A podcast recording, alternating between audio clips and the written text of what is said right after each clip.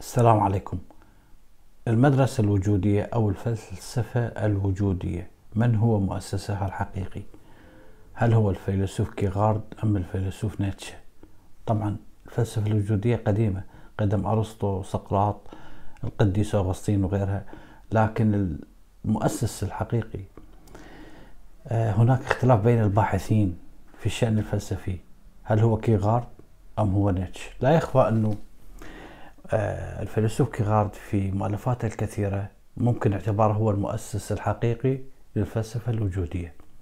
كذلك لا يخفى أن الفيلسوف نيتشه هو من سلط الضوء على على الفلسفة الوجودية وأنه ما طرح الفيلسوف نيتش من موضوعات أثارت جدل واسع في المدارس الفكرية فهو أوسع مدى وأوسع تأثير من الفيلسوف كيغارد ومثلت أفكاره إلهام لأكثر من خمس مدارس فلسفية وفكرية بما فيها الفلسفة الوجودية. إذا أريد أعطي موجز بسيط للفلسفة الوجودية فنقول أنه الفلاسفة الوجوديين يؤمنون إيمان مطلق بالوجود الإنساني ويتخذون منطلق لكل فكرة. عندهم الإنسان أقدم شيء في الوجود وما قبله كان عدم. وجود الإنسان عندهم سابق إلى ماهيته. وجود الإنسان يسبق ماهية الإنسان. الأديان والنظريات الفلسفية اللي سادت خلال القرون الوسطى وحتى الحديثة لم تحل مشكلة الإنسان. الوجوديين يعملون أو الوجوديون يعملون لإعادة الاعتبار لهذا الإنسان ومراعاة تفكيره الشخصي وحريته وغرائزه وبالتالي حتى مشاعره. يؤمنون بحرية الإنسان المطلقة وأنه للإنسان أن يثبت وجوده كيفما يريد وبأي وجه يريد دون أن يقيد هذا الإنسان أي قيد. بالتالي أيضا على الإنسان أن يطرح الماضي وينكر ويرفض كل القيود. هذه القيود سواء كانت دينية أم اجتماعية أم فلسفية أم منطقية. الفلاسفة الوجوديين لا يؤمنون بوجود أي قيم ثابتة. سواء كانت هذه القيم الثابتة توجه سلوك الإنسان أو تضبطه وإنما يؤمنون أن كل إنسان يفعل ما يريد أن يفعله وليس لأي أحد أن يفرض أي شيء على هذا الإنسان. يفرض شيء قيمي أو أخلاقي على الآخرين أبدا. من هنا يعني يمكن أن نقول أن الفلسفة الوجودية عندها غياب التأثير المباشر لأي قوة خارجية كأن يكون الله. هذا يعني بأن الفرد حر حسب الفلسفة الوجودية بالكامل. ولهذا السبب هذا الإنسان مسؤول عن أفعاله بالكامل. مسؤولية كاملة. والإنسان هو من يختار هو من يقوم بتكوين معتقداته وأنه مسؤوليته الفردية هي خارج عن أي نظام معرفي سابق عليه. الوجودية تبحث عن الإنسان القلق المرتبك اللي يحاول أن يعيش ويواجه الموت. أي أن الإنسان هو حسب الفلسفة الوجودية مركز العالم. اللي يظهر للوهلة الأولى كعالم بارد مشبع باليأس وفارغ. يقول الفيلسوف كيغارد عندما تخترق أصابعك تربة ما تستطيع أن تحدد وفق الرائحة المنبعثة من أصابعك ماهية هذه التربة رملية وحلية كلسية أو أخرى وها أصابعي تخترق الوجود البشري. ولكنها تبقى معدومة الرائحة أين أنا؟ من أنا؟ كيف وصلت إلى هنا؟ ما هو هذا الشيء العالم؟ ما هي ماهية العالم؟ وما معناه؟ من أغراني لكي أصل هنا وتركني؟ وإن حكم علي أن أكون جزء من هذا العرض الحياة الكبير أبلغوني لطفا أين هو المخرج؟ إنني أرغب بأن أعطيه بعض الملاحظات وكما أطلب أن أضيف أسطرا جديدة للمشهد الذي سأقوم بتمثيله في حياته. لا يوجد مخرج؟ لمن أستطيع أن أتقدم بشكوى؟ لمن؟ بينما الفيلسوف نيتش في كتابه العلم الجذل واللي يتحدث به على لسان أحد المجانين اللي يشعل فانوس من أجل أن يبحث عن الله وسط حيرة وسخرية الجموع الملتفة حوله. ليصرخ هذا المجنون في وجوههم أين الله؟ سأقول لكم لقد قتلناه.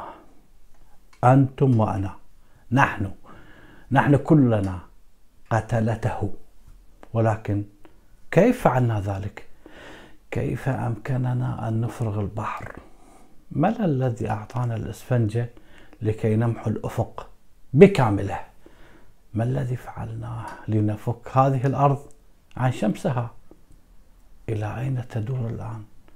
إلى أين نمضي نحن أنفسنا بعيدا عن كل هذه الشموس؟ ألسنا نهبط باستمرار إلى الأمام إلى الخلف إلى الجنب في كل الاتجاهات؟ هل لا يزال هناك أعلى وأسفل؟ ألسنا تائهين كما لو كنا عبر عدم لا متناهي. ألا نشعر بهبوب الفراغ على وجهنا؟ أليس البرد أشد؟ أليس هناك ليل مستمر وليل دامس أكثر فأكثر؟ ألا يجب أن نوقد الفوانيس منذ الصباح؟ ألسنا نسمع أخيرا. صخب الحفارين الذين دفنوه ألم نشعر بشيء بعد من التحلل الإلهي؟ لأن الآلهة أيضا تتحلل. لقد مات الله. يبقى الله ميتا. ونحن الذين قتلناه. كيف سنتعزى؟ نحن قتلة القتلة. إن أقدس وأقدر ما كان يملكه العالم قد أريق دمه تحت وطأة سكاكيننا. فمن سيغسل هذا الدم؟ عن أيدينا.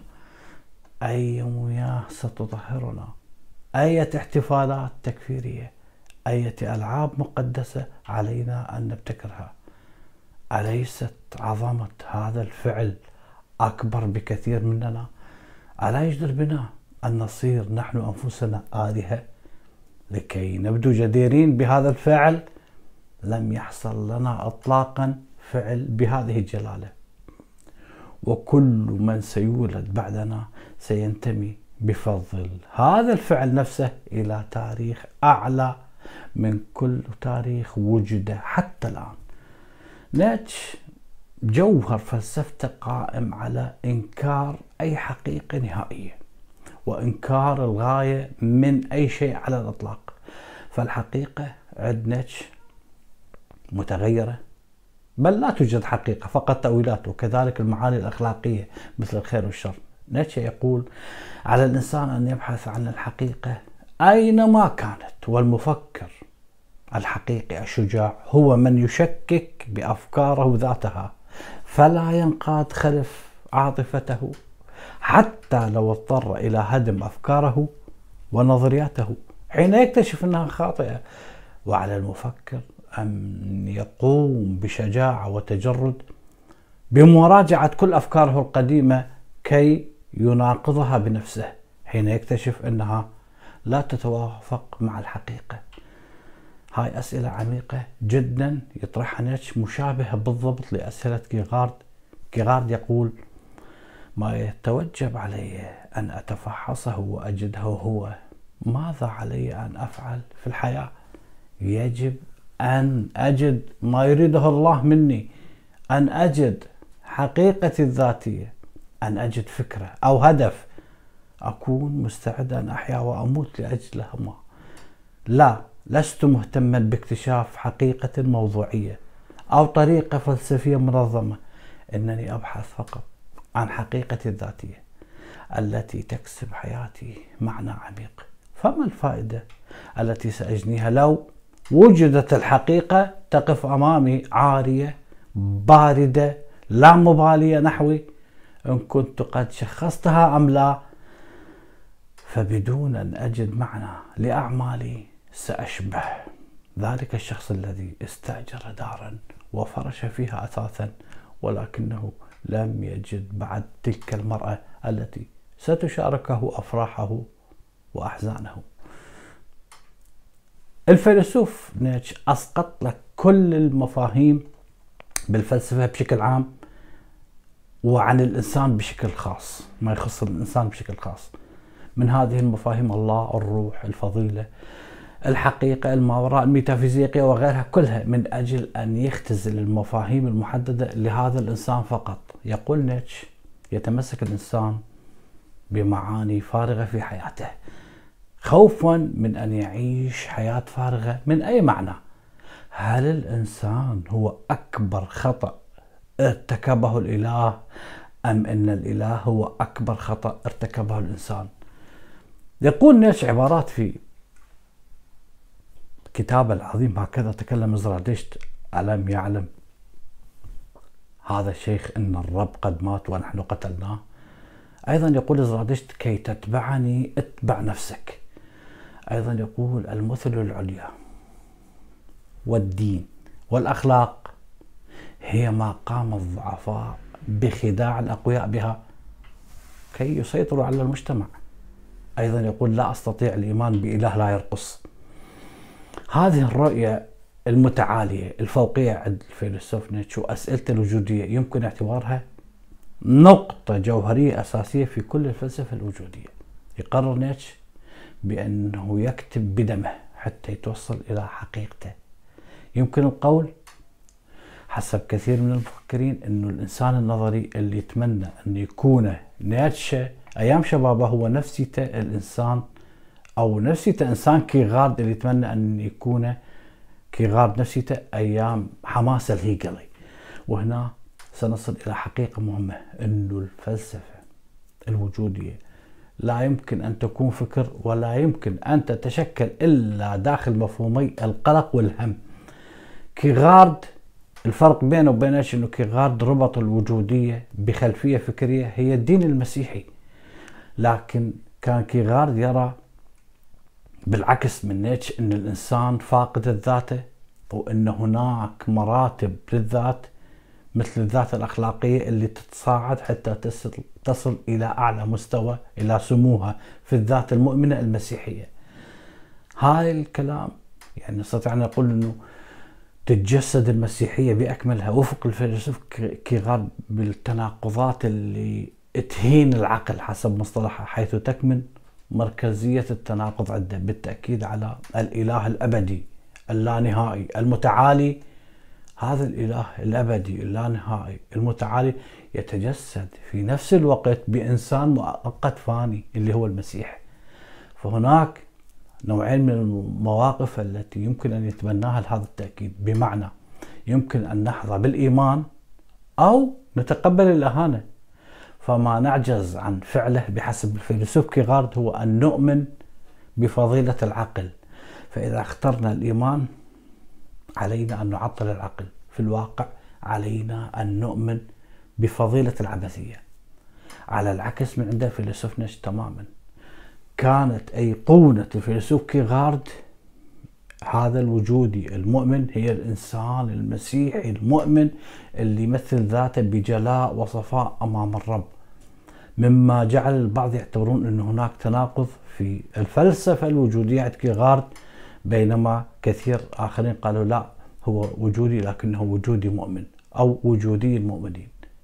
كان فيلسوف نيتش في فلسفته عن الوجود متناقض أيضا في بحثه عن الحقيقة فكان جوهر فلسفته كما ذكرت إنكار أي حقيقة نهائية وإنكار الغاية من أي شيء فالحقيقة عنده متغيرة غير ثابتة.